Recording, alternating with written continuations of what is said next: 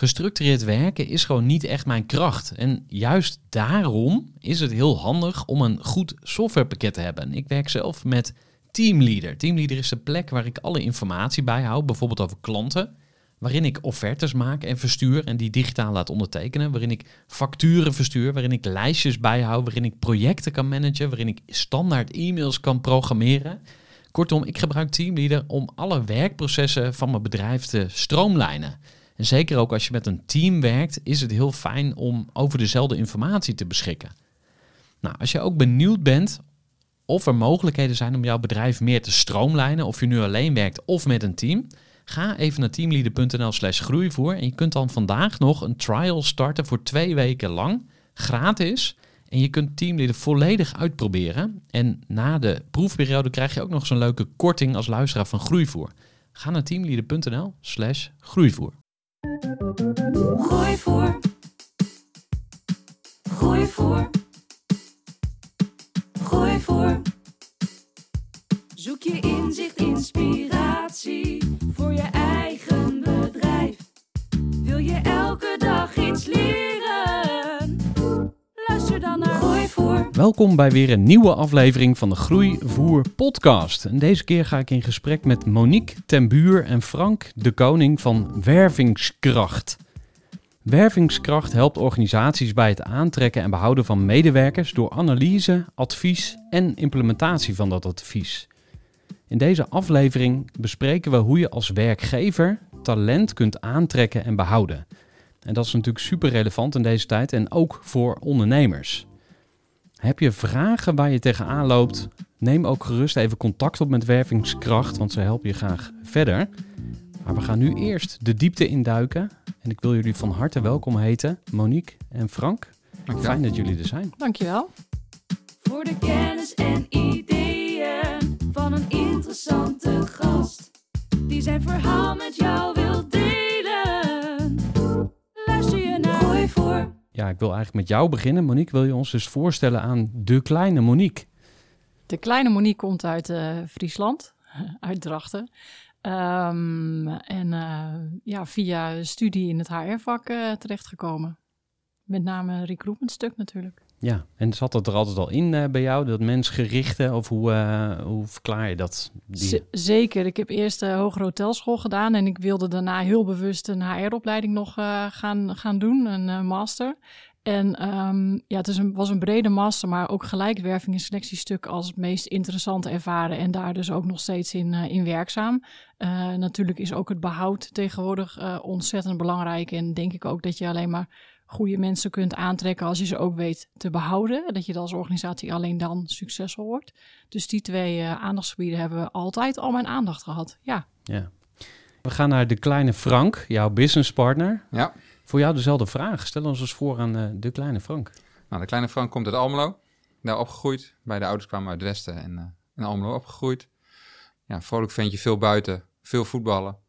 Ja, ook altijd wel eh, mensgericht geweest. eh, ook al stond ik eh, meestal niet op de voorgrond. Maar wel altijd eh, mensgericht geweest. Ja, zou je jezelf dan als introvert omschrijven? Want de, de mensen plakken altijd labels graag. Hè? Van Ja. jij bent introvert, jij bent extravert. Nou, de waarheid ligt misschien soms in het midden. Maar waar Ja. zou je jezelf positioneren? Nou, zeker aan de meer introverte kant. Mhm. Niet in het uiterste spectrum, maar zeker wel. Ja, en helpt je dat in te ondernemen? Ehm, nee, ik het ondernemen inhoudelijk wel. Omdat ik gewoon echt gericht ben op de inhoud en daar ook goed op kan concentreren. En, eh, maar in het zoeken naar nieuwe relaties of opdrachtgevers helpt het misschien weer niet. Maar daarom zijn we gelukkig met z'n tweeën. Ja, precies. dus jullie kunnen elkaar aanvullen. Mooi. En, en eh, misschien nog iets over je ouders. Eh, wa- wat heb je van je ouders meegekregen? Ja, eigenlijk gewoon de, de, de normen en waarden, denk ik, die, ook, die ik ook weer aan mijn eigen kinderen eh, meegeef, die ik belangrijk vind. En dat begint bij op tijd komen, afspraken nakomen, eh, dat soort zaken. Ja, en is er iets wat je niet doorgeeft? Waarvan je denkt, nou, dat is toch wel een beetje verouderd. Of eh, dat mag ik loslaten. U zeggen. Oh, grappig. Ja. Waarom is dat niet relevant? Of... Nou, dat is wel relevant. In bepaalde situaties vind ik dat nog steeds relevant. Maar ik merk zelf dat ik het ook steeds minder vaak doe, omdat je nou, zakelijk ook een, een soort van afstand schept of een andere verhouding schept. Terwijl ik denk dat eh, qua werk je het beste tot je recht komt als je vanuit gelijkwaardigheid werkt. Interessant. Ehm, ja, jullie zijn businesspartners. laten we dan eens eh, gaan naar jullie origin story. Hoe is het allemaal begonnen? Romantisch muziekje. Wie wil het woord nemen? Monique? Nou, is goed.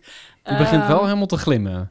Ja, dat, ehm, dat, dat, eh, dat, dat was eigenlijk ook. eh, Frank ontmoette in de tijd dat ik zelfstandiger was, ZZP'er, en Frank dat ging worden. Ehm, en toen kwamen we erachter dat we best wel dezelfde ideeën hadden, dezelfde visie op het vak, dezelfde ambities. We vonden dezelfde kant van het vak leuk.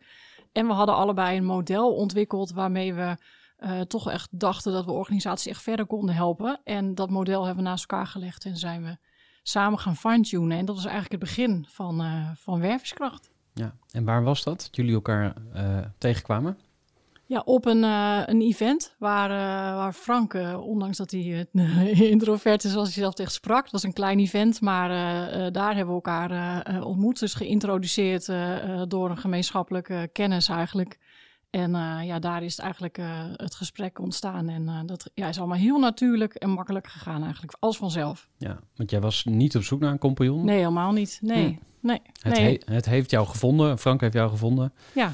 En, en dacht je toen ook al meteen van ja, dit, ja, want het klikte blijkbaar tussen jullie. Maar dacht je toen ook al meteen van oh, wij gaan waarschijnlijk samen iets eh, ondernemen of zo? Of was dat nog toen te vroeg? Of Nee, dat was te vroeg. We wil, ik ik wer- werkte al jaren in mijn eentje als zelfstandige. En ja, dan ben je toch altijd alleen. En eh, het leek mij heel leuk om samen met Frank een opdracht te doen. Dus bij een opdrachtgever samen eh, naar binnen te gaan in plaats van alleen. Omdat ik ja, denk dat je ook samen veel verder kan komen. En het helpt mij ook om met iemand, eh vind het ook fijn met iemand te sparren en van iemand te- kunnen leren. Ehm, dus zo, eh, dat was eigenlijk de intentie van, goh, we gaan een keer samen een opdracht doen. Ja. En van het een eh, kwam het ander. Ja, dus het was ook niet meteen laten we samen een BV oprichten. Helemaal of, niet, maar gewoon eens een keer nee. proefdraaien. Nee, het ging eigenlijk als vanzelf. En toen hadden we onze eerste opdrachtgever. En al heel snel dachten we, oh, hoe moeten we dan factureren? En hoe gaan we dat doen? Oh, laten we naar de Kamer van Koophandel gaan. Laten we een rekening openen. En ja, eigenlijk heel laagdrempelig, zonder al te veel verwachtingen van beide kanten. En binnen no time eh, zaten we vol met werk. Ja, nice. Frank, eh, wat herinner jij van die eerste opdracht? Wat, wat was de opdracht? Wat voor soort klant? En Ja. eh, hoe ging dat? Nou, sowieso is het heel leuk, omdat we net eigenlijk samen waren begonnen, dat we naar een klant toe konden. Dus al, eh, ja, spanning samen naar de auto naar, naar zo'n klant toe. En dan Spanning, Gewoon, waarom? nou, dat je toch jezelf voor het eerst gaat presenteren. Wel weer meer, minder dan de helft van de spanning, maar toch weer heel anders is om daar samen naartoe te gaan als je daar alleen presenteert. Dat is Mhm. ook gewoon eh, heel fijn van samen, samen dit soort dingen doen. Nou, dat we ons verhaal daar hebben verteld, dat het eigenlijk heel erg goed ging. Dat al meteen duidelijk werd van, eh, nou, kans is vrij groot dat wij die opdracht krijgen. En wat was de vraagstelling van die klant? Eh, de vraagstelling was eigenlijk van, eh, we hebben een enorm probleem met mensen te vinden op, die hebben een aantal takken waarvoor ze werken, catering, beveiliging. Ehm, ja, kun je ons helpen om dat beter op orde te krijgen? Toen hebben wij ons analysemodel uitgelegd, verteld wat we konden doen. Het was eigenlijk vrij snel duidelijk dat we die opdracht ook konden doen. Interessant. En welke tijd was dat? Want nu is de arbeidsmarkt krap. Ja. Eh, er was ook een tijd waarin het anders was. Maar hoe, hoe was de arbeidsmarkt op dat moment? En dat is medio 2019 Hm. en ja, die was toen ook al behoorlijk krap. Ja. ja. En zeker het voor was de voor corona, Ja. maar dat was, eh, was toen ook al echt sprake van krapte. Niet Ja. zo gek als nu, maar eh, Ja, dus dat was toen ook eh, aan de orde. En ehm, eh, je noemde net even jullie visie. Jullie keken de- op dezelfde manier naar, naar dingen. Is ook een van jullie beiden meer de visionair, die de, de vergezichten heeft en de ideeën van daar moet het naartoe? Of, of, en misschien ook even inhoudelijk van wat is dan die visie? Nou, ik denk dat, dat onze visie vanuit Werverskracht, dat wat we beide belangrijk vinden, is dat we een win-win creëren voor zowel de medewerker als de werkgever. En dat staat dus, eh, daar staan wij buiten, maar wij helpen beide partijen daarbij. Dus we nemen zowel het belang van de medewerker als het belang van de werkgever, waarbij in de huidige arbeidsmarkt heel eerlijk het belang van de medewerker ehm, ja, toch zwaarder weegt. Want Hm. zij, zij kunnen eh, zitten aan het roer eigenlijk. Ehm, dus, dus dat is een gemeenschappelijk uitgangspunt. Ehm, ja, Frank en ik zijn allebei recruitment manager geweest bij grotere organisaties. En we merkten dat we heel opgeslokt werden door ad hoc zaken, door overleggen, ehm, door brandjes blussen. En we zijn, de, onze gemeenschappelijke visie is dat je daar eh, uitstapt en eigenlijk naar alles wat met bijvoorbeeld recruitment te maken heeft kijkt. Dat analyseert, daar rustig naar kijkt eigenlijk. En dan met een goed advies komt over hoe je een organisatie echt verder kunt helpen. Voor de langere termijn op een duurzame manier. En wij merkten allebei in de tijd dat we recruitment manager waren dat dat onvoldoende lukte. Omdat we gewoon die tijd en de ruimte in ons hoofd niet hadden. En dat is eigenlijk wat we met werfkracht zijn gaan doen, de gemeenschappelijke visie. In dat wij denken dat we op de manier waarop wij werken, organisaties echt helpen. En maximaal van toegevoegde waarde zijn voor de organisatie. Ik vind hem heel concreet. En er komen ook meteen twee eh, bezwaren op. Het eerste is van, ja, dan komt er zo'n consultant van buiten. Hè, die gaat dan even eh, een mooie rapport schrijven en vertellen hoe het allemaal moet. En daar doe ik dan natuurlijk niks mee, dus dat belandt eh, eigenlijk in de la. Ehm, en het, het tweede wat, wat er ook zou kunnen gebeuren is dat, dat ze het net niet snappen. Hè? Dus dan, dan komt iemand binnen en die stelt een paar vragen, maar eigenlijk veel te weinig. Of die is er maar eventjes. Nou, hoe zorgen jullie ervoor dat, dat, dat het wel lukt, zeg maar? En, ja, Nou, hoe we dat Frank, proberen eh, te borgen is in ieder geval door alles dusdanig uit te werken dat het ook voor mensen met minder recruitmentverstand gewoon te begrijpen is. Dus context schetsen, uitleggen hoe het nu is, uitleggen waar het naartoe kan. En probeer de advies ook altijd eh, zo in te richten dat ze een duidelijk overzicht krijgen. Dit zijn quick wins, kun je de komende paar weken aanwerken. En dan vervolgens kun je op de vier belangrijkste onderwerpen die wij analyseren, dit als eerste vervolgstappen doen, dan dat, om ervoor te zorgen dat je ook effect haalt uit wat je gaat veranderen. Dus we proberen ze daar ook wel echt mee te helpen door het concreet te maken. Daarnaast kunnen we ze ook helpen bij de implementatie. Dus het hangt ook van de wens van de opdrachtgever af. Van pakken we het zelf over naar ons advies of nemen we ze mee aan de hand of pakken we bepaalde onderwerpen van ze over. En, en je, vraag, je vraag was ook, hè, dan kom je als consultant binnen. Dat, dat klopt. Alleen organisaties hebben vaak echt een probleem en zitten met de handen in het haar en weten gewoon echt niet hoe ze verder moeten.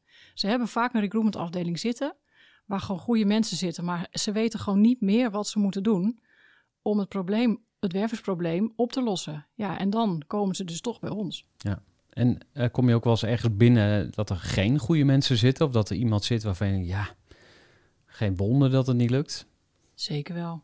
En hoe ga je daar dan mee om? Nou, recruitment wordt niet altijd als strategisch eh, gezien in de organisatie of ook niet altijd als heel serieus genomen. Soms eh, is het echt transactioneel, echt operationeel, is gewoon meer administratief eigenlijk. En ja, dan ga je in deze arbeidsmarkt ga je niet het verschil maken. Ja. Dus dat komen we zeker wel tegen, maar dat komt dan ook uit het advies. Eh, waar ik benieuwd naar ben is, ehm, en we komen straks ook nog terug bij jullie speerpunten, hè, van wat zijn nou de belangrijke elementen, maar wat is volgens jullie de rol van de ondernemer of de eindverantwoordelijke als er geen ondernemer meer aan het roer zit, maar welke rol moet die spelen? Ik denk dat die ondernemer ervoor moet zorgen dat hij de juiste kennis opdoet die nodig is om die mensen wel te gaan vinden. En als die ondernemer die kennis zelf heeft, dan kan hij het prima zelf doen. En als het niet het geval is, eh, ja, die kennis in huis halen om het wel te gaan doen. Je ziet dat, dat, dat werving, recruitment is echt een vak geworden. En Dat Hm. was eh, jaren geleden werd dat vaak niet zo gezien. En nu eh, wordt dat wel beaamd.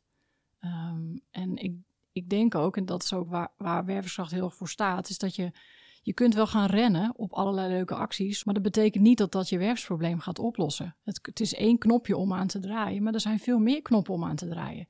En wat wij doen, is wij onderzoeken al die knoppen en wij geven kant en klaar aan aan een opdrachtgever, aan een, aan een organisatie. Welke knoppen moet je draaien om, om echt effect te hebben op korte termijn en op middellange termijn en lange termijn? Dus je ziet dat organisaties hebben allemaal wel wilde ideeën. Ja. En je ziet ook dat veel mensen denken verstand te hebben van recruitment. En dan met ideeën komen.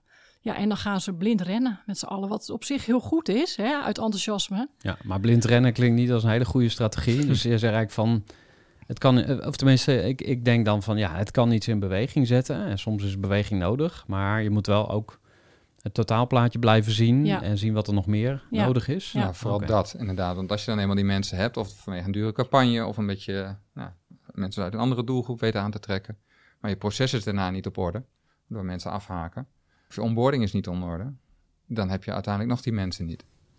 Interessant. Ehm, nou, over knoppen gesproken. eh, je vertelde dat jullie een eh, model hebben, of hè, dat, dat eh, hanteren jullie met Ja. vier speerpunten. Wil je die eerst eens noemen en dan gaan we ze daarna wat verder uitdiepen. Eerste speerpunt is de arbeidsmarktbenadering.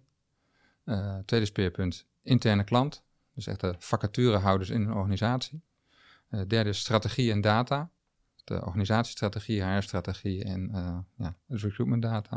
En het vierde is de recruitment organisatie zelf. Oké. Nou, laten we maar bij eh, punt 1 beginnen dan. Of eh, dat is de logische volgorde, denk ik. Ja.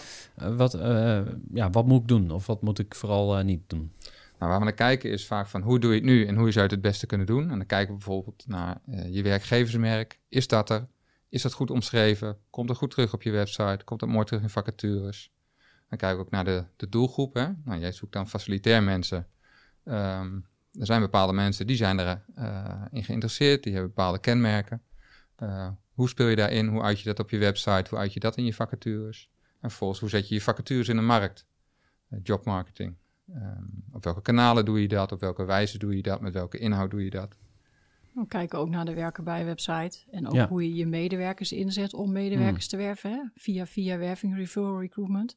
Uh, en ook intern. Hè? Je ziet uh, vaak gaan organisaties te makkelijk een vacature uitzetten extern. Maar wie zegt dat er intern geen geschikte mensen zijn of ge geschikt te maken zijn? Dus dat is alles wat we doen met arbeidsmarktbenadering. Dat is best uitgebreid.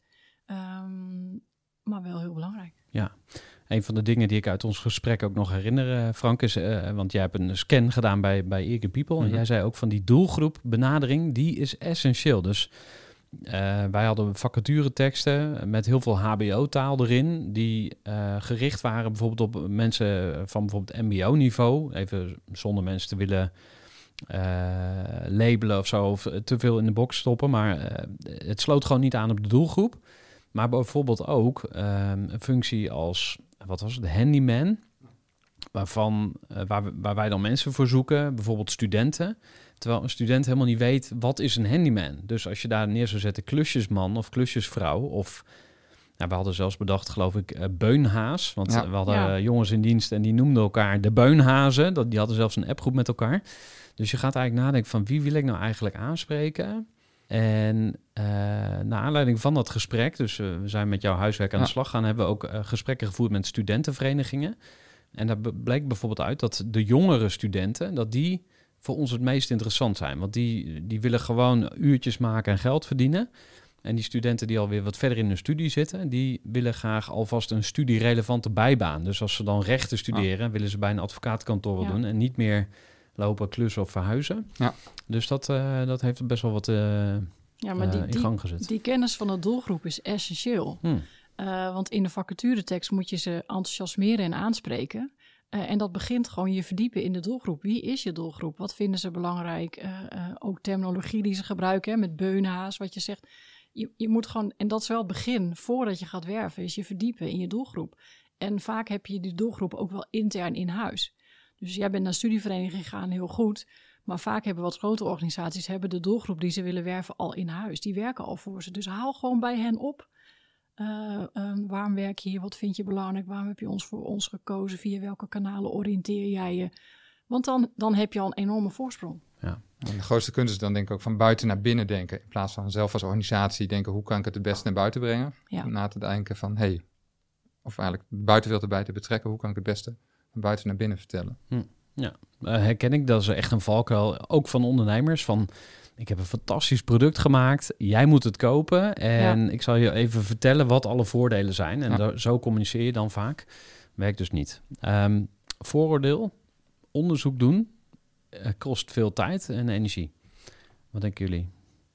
Nee, uh, dat hangt er vanaf. Uh, als je bijvoorbeeld net, net je interne doelgroep bevraagt, dan plan je anderhalf uur in met een aantal mensen uit je doelgroep. En dan kost het je anderhalf uur, inclusief wat voorbereiding en uitwerking. Dus dat kost niet heel veel tijd. Uh, wij doen veel onderzoek met online surveys, dus vragenlijsten. Ja, dat kost ook niet veel tijd. Ja. Um, die vragenlijst moet je op, maken op maat, die wordt uitgezet. Je hebt een responstijd en dan doen wij de analyse. Heb je alles onderbouwd met data uh, waar je niet meer uh, kunt duiken, zeg maar, hè, ja. intern. Nou, je moet dus bereid zijn wel om uh, je ja. aannames uh, los te laten of zo. Juist. Dat is natuurlijk... Maar dat, dat is ook denk ik de enige manier waarop wij organisaties echt kunnen helpen. Als je blijft varen op onderbuik en op aannames, dan gaat er niet heel veel veranderen. Hè? Want je, je weet heel goed wat je, wat je voelt en wat je onderbuik zegt. En wij komen, uh, wij proberen alles te onderbouwen met data. Ja, en dat, dat ligt niet. Hm. En dan merk je dat je makkelijker mensen meekrijgt in alle lagen van de organisatie.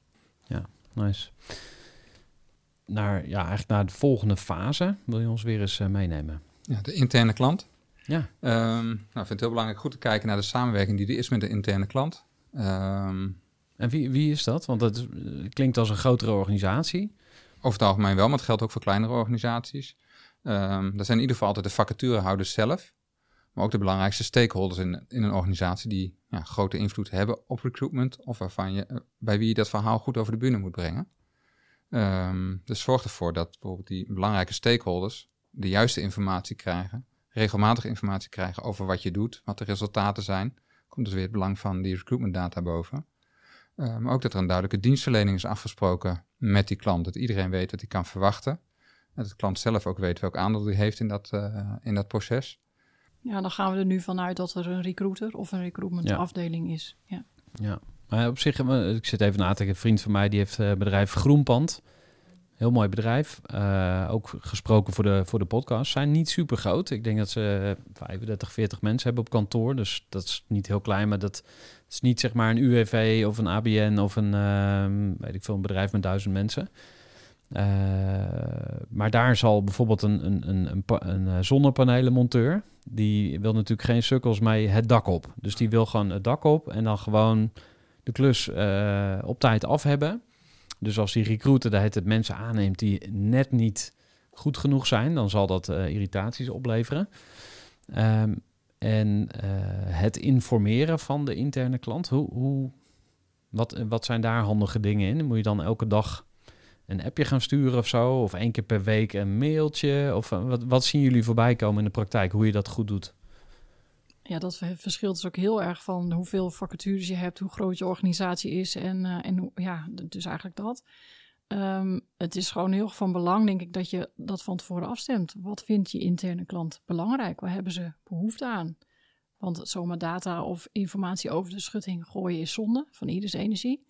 Dus denk ik daar het gesprek over, uh, over aangaan. En op het moment dat je als je recruiter ja, vacatures hebt in behandeling voor een bepaalde manager, hè, die manager die wil wel weten hè, wat hij kan verwachten. En uh, zit er al kandidaten aan te komen of lukt het helemaal niet? En, en dat soort zaken is natuurlijk wel continu van belang om af te stemmen. En, en eigenlijk daarvoor afgaand al, ja, als je weet dat het een hele lastige functie is als recruiter, ja, stem dat van tevoren al af met je manager. En denk ook na over hoe je dat profiel misschien anders kunt neerzetten in de markt, waardoor je meer kandidaten krijgt en dus sneller iemand gevonden hebt. Hè? Dus, dus dat is ook een rol van uh, recruitment, denk ik. Maar de, ik denk dat het van belang is dat je gewoon heel nauw samenwerkt. En ja. dat je als recruiter goed weet wat er speelt in de organisatie, in, in die afdeling. Zijn er bedrijven waar jullie voor werken waarvan je vindt dat ze het echt heel goed doen op dit punt? Ja, dat, nou ja, het, het over, en weer elkaar informeren, dat, dat, daar kan ik wel wat voorbeelden van, uh, van noemen. De vraag is of het altijd dan de juiste informatie is die gedeeld wordt. Hè? Dus er wordt gewoon op, op functie, op vacatureniveau, maar ook op kandidaatniveau wordt er gewoon even heen en weer getikt. Maar daar wordt niet voor uitgekeken. Of er wordt niet teruggekeken. Er worden niet met rapportages gewerkt in hoeverre van nou, we hebben deze functie al tien keer eerder gehad. Wat werkt in het verleden wel en wat werkt er niet, ook ten aanzien van wervingskanalen en dergelijke. Dus daar kunt u natuurlijk heel veel uit leren. Dus ja, ik denk dat een, een voorbeeld noemen van een organisatie die dat echt uitstekend doet, maar wij hebben de lat denk ik ook best hoog liggen. heel eerlijk. Ja. Frank, kan ik niet zo, uh, nee, zo noemen. Vaak is het nog ja, heel operationeel het contact tussen recruiter en, uh, en vacaturehouder. Ja. En is dit dan ook een van de lastigste knoppen om aan te draaien? Of uh, zou je dat niet zo...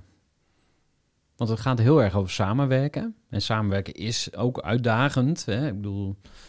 Het moeilijke hieraan is denk ik dat het grotendeels cultuurverandering is. Want de adviezen aangeven en inhoudelijk aanreiken van hoe het het beste zou kunnen, dat is niet zo heel moeilijk. Maar er moet wel een cultuurverandering plaatsvinden. Dus een vacaturehouder zal anders naar de recruiter moeten kijken. Uh, en een MT moet misschien ook anders naar recruitment gaan kijken. Dat is de grootste verandering. Ja, en een verandering van? Positioneren van naar... recruitment in de organisatie. Ja, okay. van A naar B. Dus toch echt meer als business partner. En niet alleen op operationeel, maar ook wat meer tactisch-strategisch niveau. Is het wel van belang dat uh, recruitment uh, gaat kijken en acteren. En daar, uh, het begin denk ik bij recruitment. Als recruitment dat gewoon laat zien, dan overtuig je vanzelf je vacaturehouders en de organisatie in je wat voor toegevoegde waarde je kunt leveren. Ja, en als ik vraag om een hele goede recruiter te noemen, waarvan ja. je echt zegt van ah, die is echt lekker bezig, dat is echt een business partner, die staat er, die, die snapt het. Uh, wie, ja, dat zijn, dat zijn er gelukkig best veel. Ja. om nou namen te noemen, dat, dat, dat gaat nu iets te ver, maar dat zijn er zeker een hele hoop. Voornamen.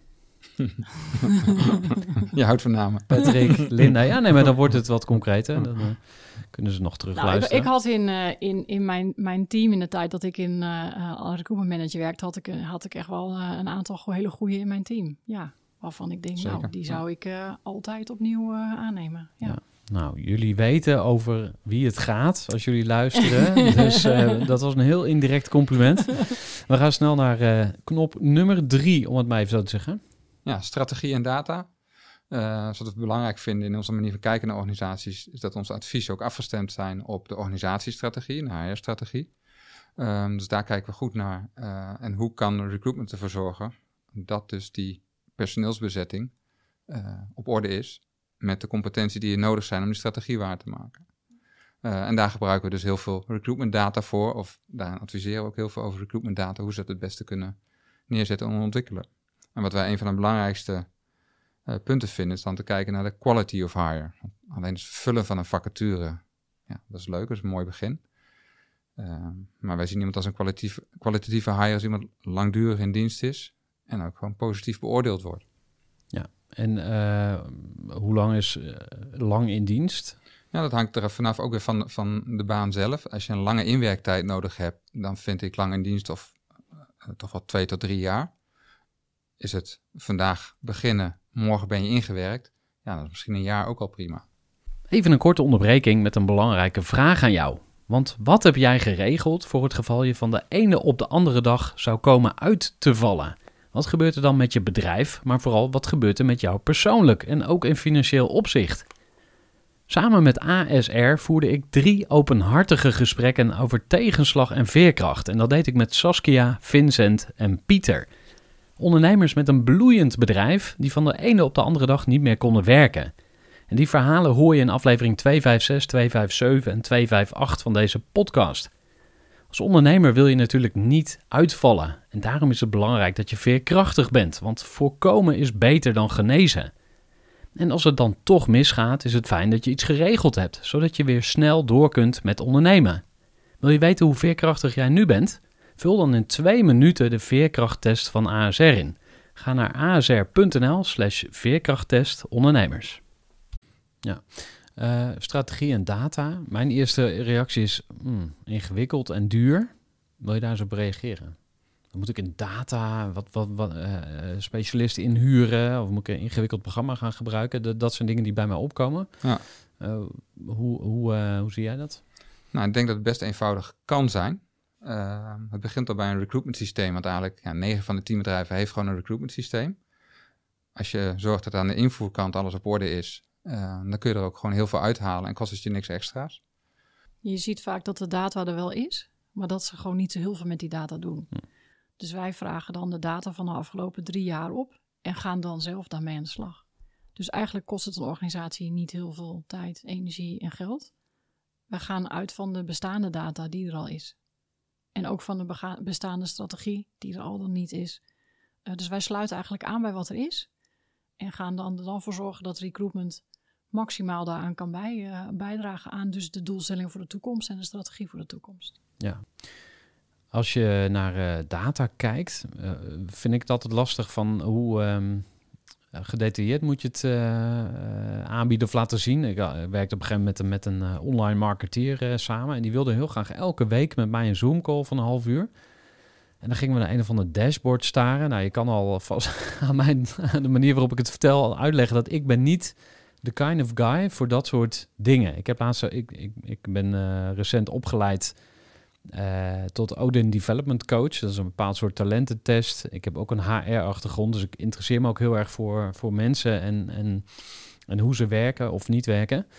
En er kwam bij mij ook uit van dat, dat onderzoeken en structureren en zo, dat, dat, dat, dat ligt niet in jouw talentset. Dus ik ga bijvoorbeeld helemaal aan op knop 1. Hoe gaan we Mhm. communiceren op de arbeidsmarkt? Vind ik Ja. super interessant.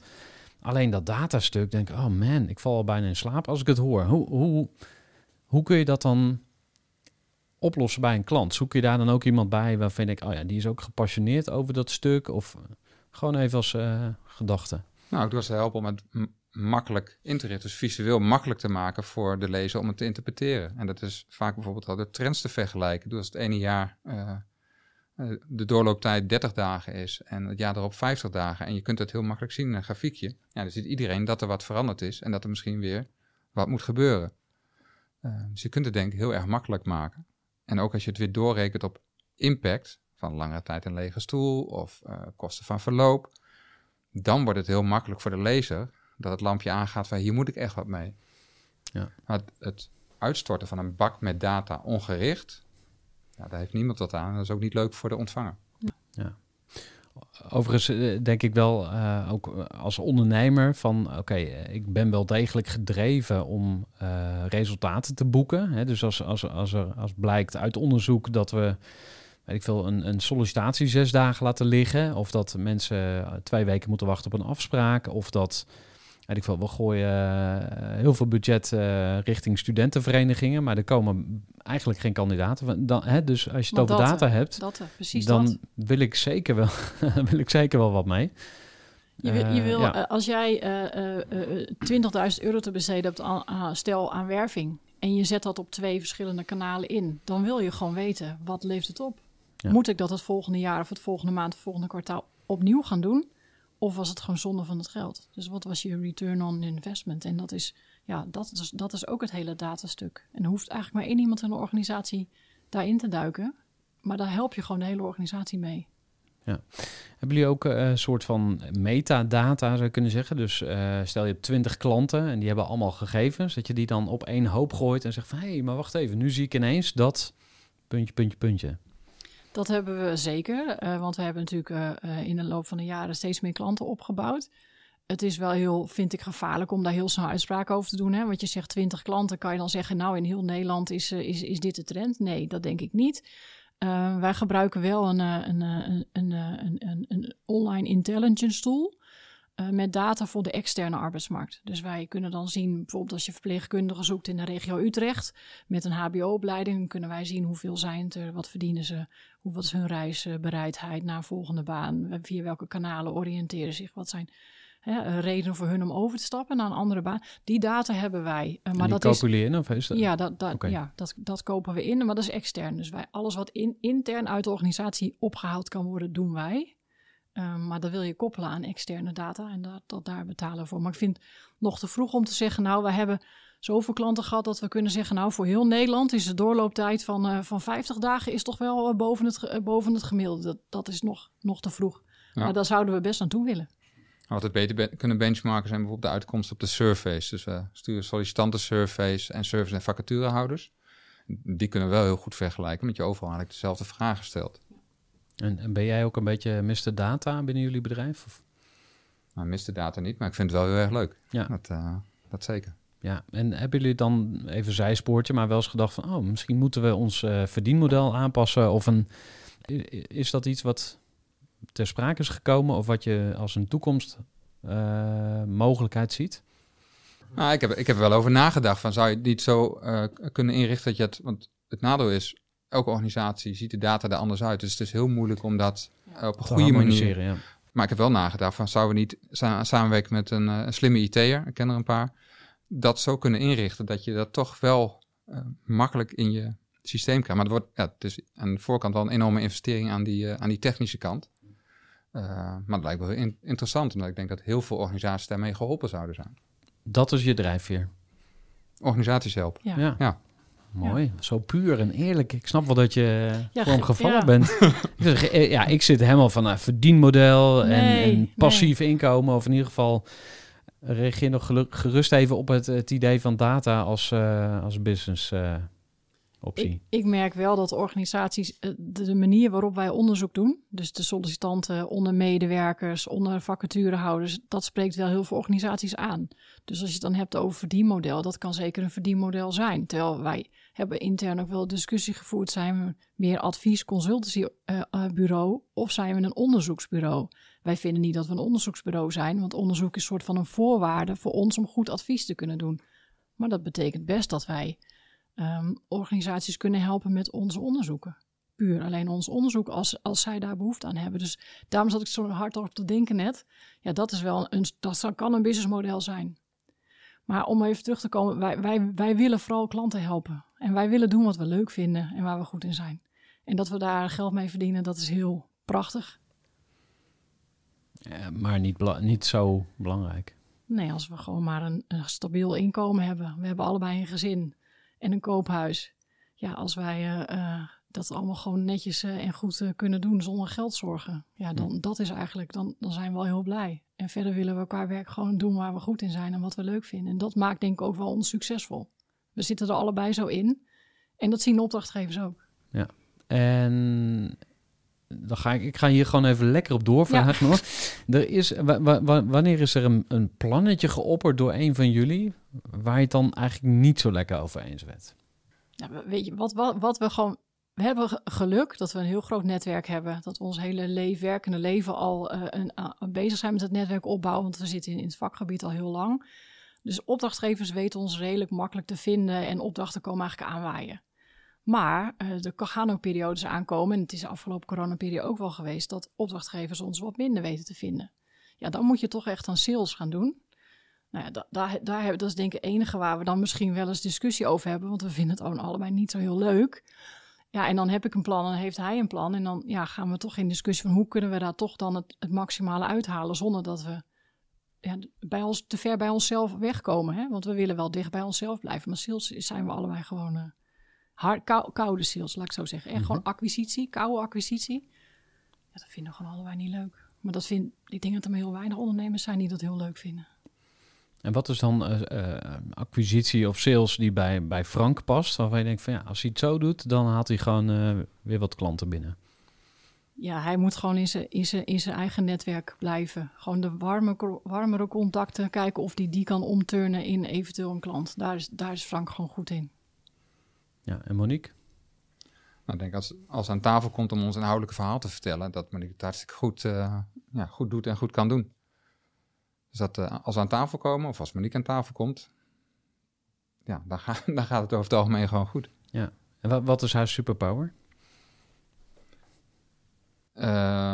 Ja, sowieso ja, gedrevenheid en altijd eh, ook in de avond bezig met van hey, hoe kunnen we dat vormgeven? Hoe zouden we dat kunnen doen? Ehm, dat sowieso. En als jij Frank een compliment eh, mag geven, waar, waar gaat dat dan over? En Frank is, eh, is, eh, is rustig, is betrouwbaar. Ehm, ik weet gewoon altijd wat ik aan hem heb. En dat is heel prettig. En dat weten opdrachtgevers ook. Dus als er flank bij een opdrachtgever komt, dan lo- lopen ze over het algemeen met hem weg. Ehm, en hij is inhoudelijk. Hè, dus de modellen die we hebben, die komen eh, denk ik meer uit Frank zijn koken dan uit mijn koken. Dus, het, ja, dus, dus echt de inhoudelijke kant eh, en het denkwerk, zeg maar. Ja, Frank heeft die rust daar ook voor. Ik ben wat meer springen in het veld, zeg maar. En Frank die gaat er gewoon rustig voor zitten. En die gaat net zo lang door tot het iets goeds heeft. Dus daar, dat waardeer ik echt heel erg aan Frank. En we zijn ook verschillend en dat maakt tot gewoon ons ook tot een heel goed duo. Mooi. Frank, ik zie je een traantje wegpinken Ja, ja, dat kan niet droog houden. van binnen. Maar eh, we gaan eh, terug naar het model. Ja, eh, zei al even, inhoud is, jouw, eh, is ook een van jouw krachten. We gaan naar de vierde en laatste knop waar we aan kunnen draaien. Vertel. De recruitmentorganisatie. Dus dan kijken we naar de structuur, zeker als het bij een wat grotere organisatie is. Hoe is het ingebed in de organisatie? Is het onderdeel van HR? Is, hoe groot is het recruitmentteam zelf? Ja, de capaciteit in verhouding tot het aantal vacatures. Ehm, de competenties die aanwezig zijn in het recruitmentteam. Hoe loopt het eh, werving- en selectieproces? Welk systeem wordt er gebruikt? Dat zijn eigenlijk de belangrijkste elementen van, eh, van dat onderdeel. Ja, en wat zie je nou het meeste misgaan? dat sowieso dat de capaciteit niet is afgestemd op het aantal eh, vacatures dat er is. Eh, veel partijen vinden het ook gewoon heel moeilijk om te bepalen hoeveel recruiters heb ik nou nodig voor hoeveel eh, vacatures. Is daar een soort vuistregel voor? Ja, wij hebben zelf een, bepaal je dat? we hebben zelf een tool ontwikkeld. Oh, waarin we dat kunnen uitrekenen. Hoeveel, eh, en dan helemaal afhankelijk van de doelgroep die ze werven, afhankelijk van de organisatie, afhankelijk van het volume Van het wat proces. je nodig hebt van het proces. Hè? Want sommige recruiters doen wel sollicitatiegesprekken of zitten daarbij. Sommige recruiters doen alleen werving. Dus wij maken dan helemaal op maat voor een organisatie, kunnen we berekenen middels een tool hoeveel capaciteit ze nodig hebben eh, om eh, hun wervingsdoelstellingen te halen. En dat is gewoon een soort eh, ingewikkelde Excel-sheet Ja. of een macro en dan al die variabelen erin Ja. en dan Ja. rolt het er zo uit. Alle Ja. variabelen die, Hmm. daar, die, daar, eh, ja, die ermee te maken hebben of die het raakt, die zitten daarin. En dat vragen we uit bij een opdrachtgever. En dan is het eigenlijk gewoon een invul. eh. Interessant, ja, want dan eigenlijk kan je daar heel veel aan ophangen. Dat je denkt van, oké, het lukt niet, even Ja. heel algemeen. En dan zeg je, ja, maar jullie hebben ook maar drie recruiters. Hoe Ja. had je het ooit verwacht? Of het, het lukt niet ehm, eh, en jullie hebben drie recruiters, terwijl je het eigenlijk met één ook zou moeten kunnen. Dat is het. dus dat, dat dat, is dat, het. is wel heel interessant. Ja. En dat vind ik dus precies het leukste. Dat we het hard kunnen maken. En dan kom ik even dat cirkeltje weer terugbrengen naar het introverte. Ik hou er heel erg van dat ik dan die zekerheid heb van die data. Dat ik een advies kan geven. Ja, je kunt er niet vluchten, dit is het gewoon. En dat ik daar stellig in kan zijn. Ja. En dat het dus niet op onderbuikgevoel is.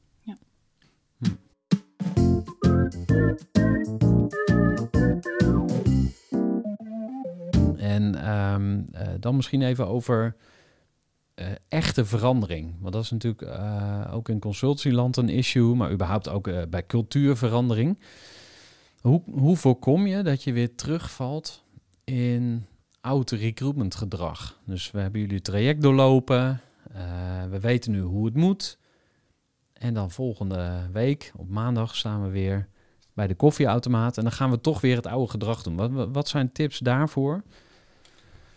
Ik denk Hoe dat, kan het anders? dat we met onze adviezen, met een adviesrapport ook wat we opleveren, dat we de hele organisatie, en dat denk ik ook wel, heel- vind ik altijd heel mooi, op het moment dat wij een presentatie geven en onze resultaten gaan presenteren, dan heb je alle lagen van de organisatie erbij. Dus ook eh, de directie zit daar vaak bij, eh, het management zit daarbij. Dus recruitment kan wel de volgende dag wat anders doen. Alleen men heeft gezien dat het ook anders kan. Dus dan is het makkelijker om elkaar aan te spreken op het gedrag, als ook hè, de, de top van de organisatie daar ook bij betrokken is. Eh, en natuurlijk gebeurt het wel eens hè, dat we organisaties aan ons advies denken: oh, maar dat kunnen we wel, dat doen we wel. En dan draaien ze aan, aan twee knoppen in plaats van aan, aan de tien die wij geadviseerd hadden. En dan denken ze dat ze er zijn. Maar dan komen ze vanzelf terug. Interessant. En vaak denk ik ook dat we juist de recruiters helpen. eh, dat, de, dat zij de middelen krijgen van de organisatie die, die ze nodig hebben om het goed te doen. Ja. Dus dan heeft recruitment misschien al wel het goede gedrag, alleen nog niet de juiste middelen.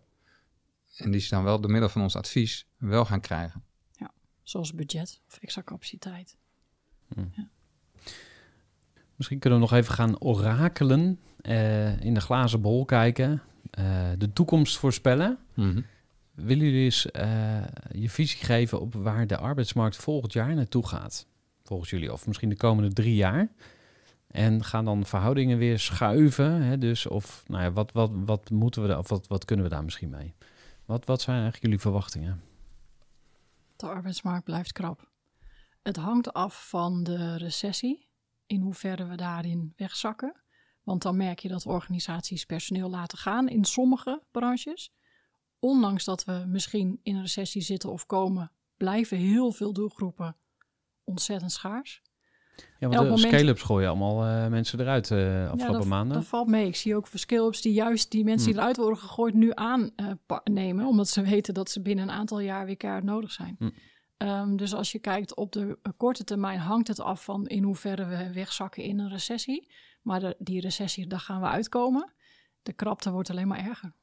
Erger? Ja. Oh, Ja, dus het is, dus, dus ja, het is dat eigenlijk wil ik eigenlijk niet geen, horen. Ik wil het niet is weten, maar vertel eigenlijk toch geen maar. goed nieuws. Ehm, ja, is dat, dat, je, dat heeft gewoon met de demografische ja, te maken van, van Nederland. Eh, eh, de, de beroepsbevolking wordt alleen maar kleiner. Hm. Omdat eh, de oudere generaties allemaal massaal met pensioen gaan de komende tijd. Dus dat is, en die moeten vervangen worden door mensen die er eigenlijk niet zijn.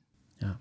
Alleen daarom al. Maar zo zijn er nog meer redenen. Maar die arbeidsmarkt gaat, eh, gaat helaas eh, krap blijven. Ja, en misschien dat talentmanagement ook een deel van de, onder, eh, van de oplossing kan zijn. Ja. Want ik, ik denk ineens van, ik moet even schaamteloos mijn eigen nieuwe dienstverlening pluggen. Namelijk Odin Development Coaching. Daar kun je dus een talentenscan doen van mensen. En echt een behoorlijke eh, eh, betrouwbaarheid en voorspellen van, van gedrag. En daar kun je dus heel mooi onontwikkeld, of, eh, ja, onontwikkeld talent zien. Dus je ziet gewoon van, hé, hey, iemand heeft dat nog helemaal niet. Die heeft dat wel, maar die, heeft, die doet er eigenlijk helemaal niks mee.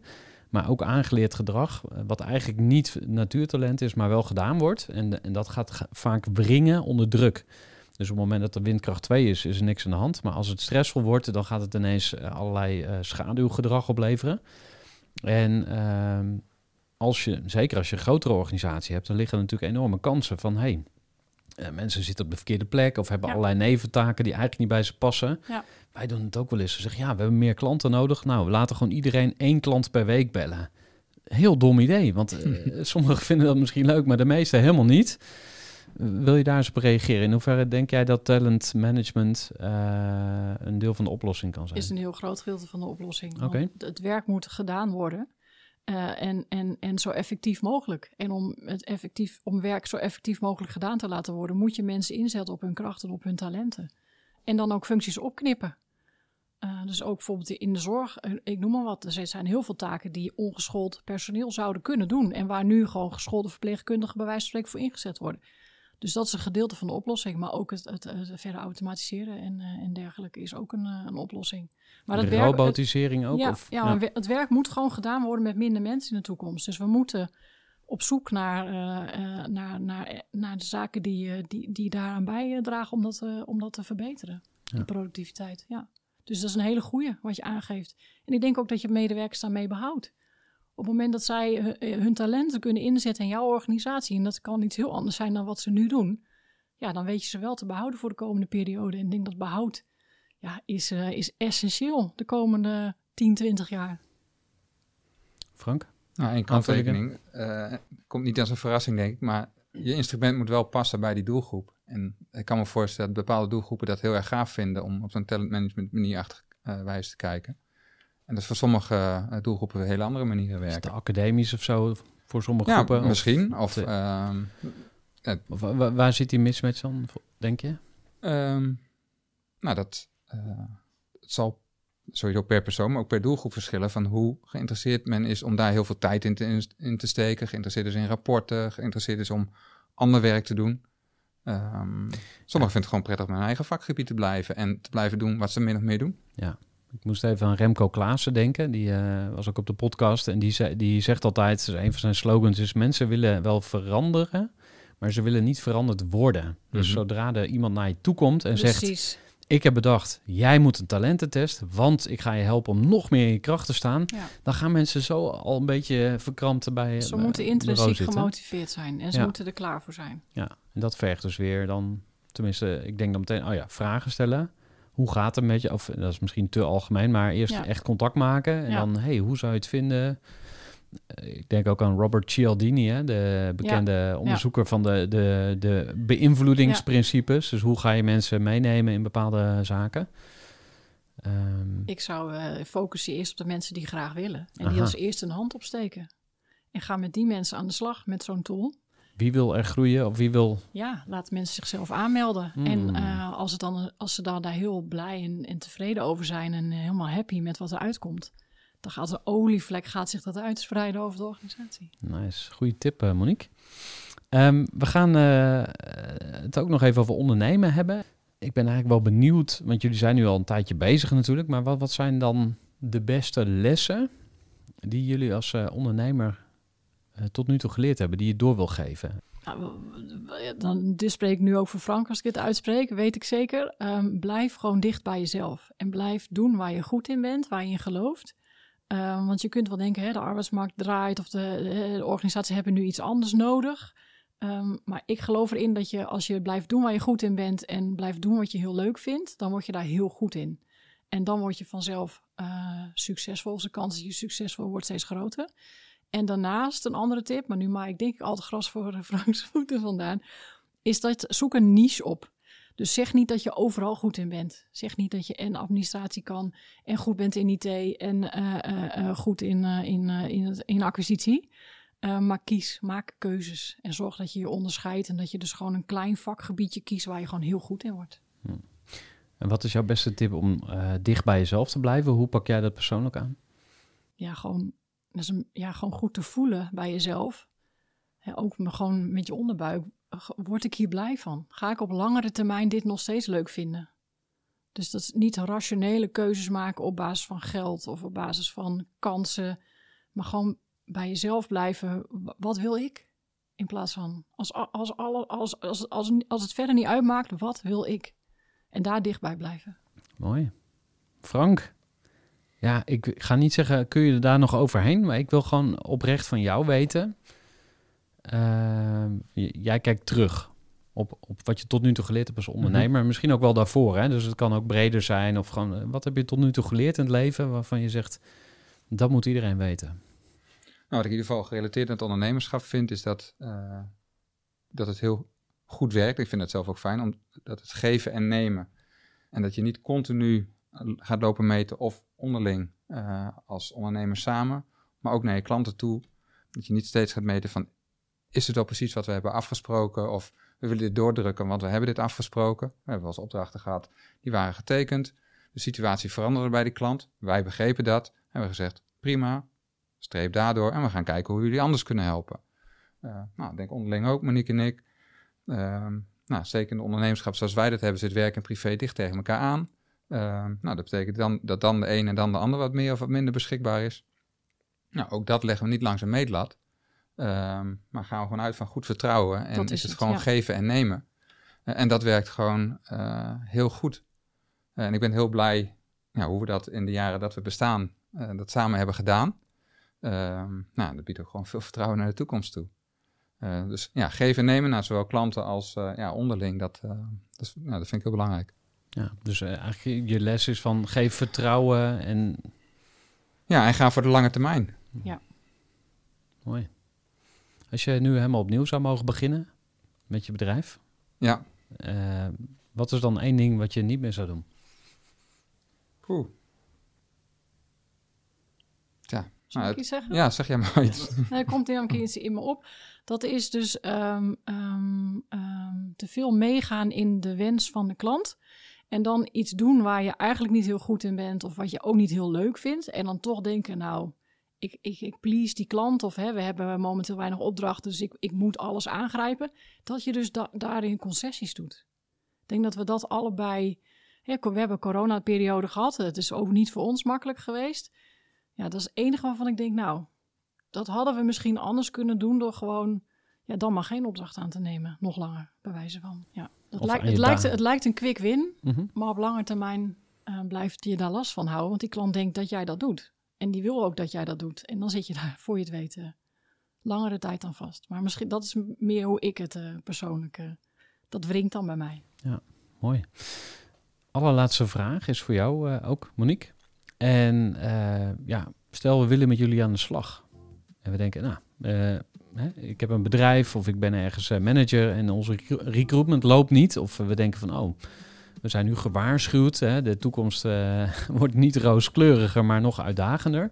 We willen met jullie aan de slag. Wat, uh, hoe kunnen we contact met jullie opnemen? Nou, ik zou zeggen, ga naar werfskracht.nl.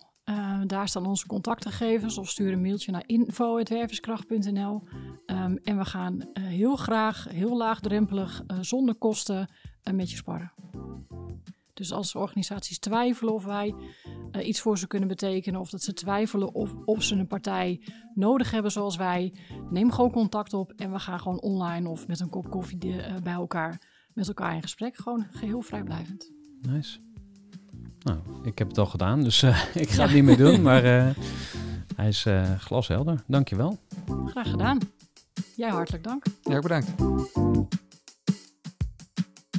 Voor. Gestructureerd werken is gewoon niet echt mijn kracht. En juist daarom is het heel handig om een goed softwarepakket te hebben. Ik werk zelf met Teamleader. Teamleader is de plek waar ik alle informatie bijhoud, bijvoorbeeld over klanten. Waarin ik offertes maak en verstuur en die digitaal laat ondertekenen. Waarin ik facturen verstuur, waarin ik lijstjes bijhoud, waarin ik projecten kan managen, waarin ik standaard e-mails kan programmeren. Kortom, ik gebruik Teamleader om alle werkprocessen van mijn bedrijf te stroomlijnen. En zeker ook als je met een team werkt, is het heel fijn om over dezelfde informatie te beschikken. Nou, als je ook benieuwd bent of er mogelijkheden zijn om jouw bedrijf meer te stroomlijnen, of je nu alleen werkt of met een team, ga even naar teamleader.nl slash groeivoer en je kunt dan vandaag nog een trial starten voor twee weken lang, gratis. En je kunt Teamleader volledig uitproberen. En na de proefperiode krijg je ook nog een leuke korting als luisteraar van Groeivoer. Ga naar teamleader.nl slash groeivoer.